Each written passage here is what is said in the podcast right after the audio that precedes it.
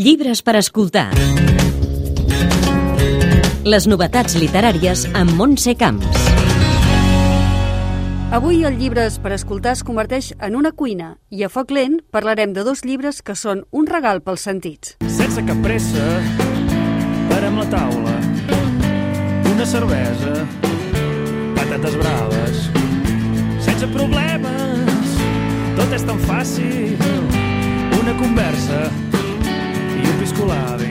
L'escriptor, traductor i músic Martí Sales és una persona plena de curiositat i d'aquesta curiositat va sorgir Aliment, un llibre on hi cap de tot, com a la millor cuina, poemes, relats, cançons i rondalles que ha reescrit. Hi havia una vegada un gran rei que va perdre la gana. No li avallia res. Va cridar els cuiners del regne i els va prometre a la filla si sabien cuinar-li un plat que li fes tornar. El càstig era la mort.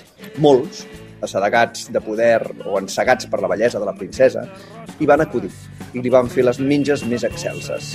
Tots van ser executats.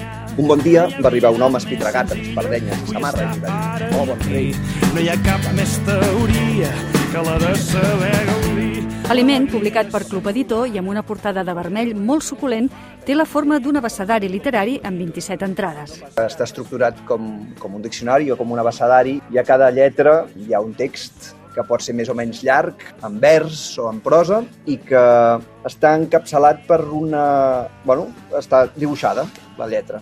Vaig demanar a una sèrie d'artistes i amics eh, si volien participar en aquest llibre i els hi vaig passar l'entrada que corresponia a aquella lletra perquè fessin, perquè fessin la seva.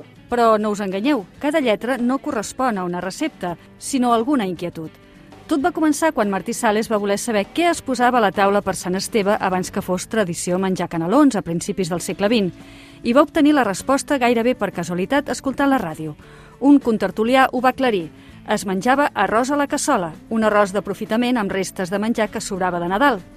Aquesta resposta, assegura, en comptes d'aplacar la seva set de preguntes, el va esperonar a fer-ne més, i d'aquí sorgeix la necessitat d'escriure el llibre, que inclou tot allò que li interessa, que parteix d'experiències i coneixements personals i també d'investigació literària a propòsit del fet gastronòmic i tot el que li alimenta l'esperit. Una curiositat eh, fonda, no? Si te- si t'interessa la cuina, no només un plat petit, sinó t'interessa la cuina, què significa menjar, què significa menjar per nosaltres, què significa compartir un lloc, el refugi, el foc, te'n vas molt lluny. Si tu vas estirant, vas estirant i què és el que vaig anar fent? Vaig anar estirant, vaig anar pouant per aquí, per allà, per allà, i em va semblar que bategava una columna que podia ser molt alimentícia i que em va ajudar a, estru a estructurar el llibre Alfons Néstor Luján va ser una gran font de coneixement per fer aquest llibre, que atorga a l'aliment un significat transcendent. el menjar és una cultura, és una expressió de la cultura i és per això que m'interessava tant investigar-ho, no? com ficar-me dins d'aquestes altres maneres de veure el món i menjar-te'l,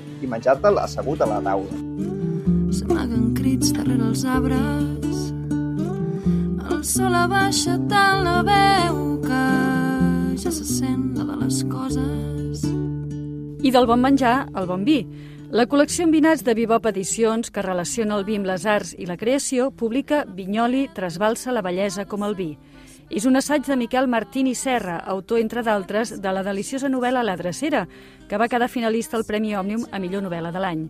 Martini Serra és un estudiós de la figura i de l'obra del poeta Joan Vinyoli i en aquesta petita joia ens parla de l'univers metafòric i simbòlic del vi en l'obra del poeta.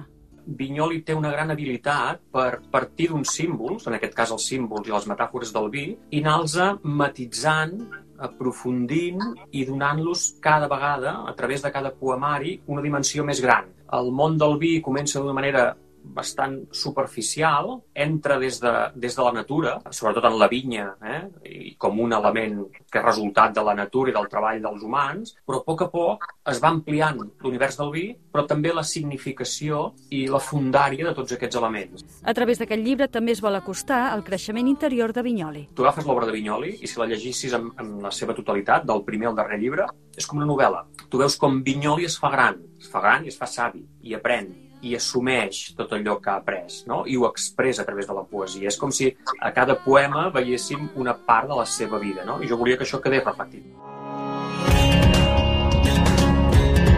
Llibres per escoltar. Les novetats literàries amb Montse Camps.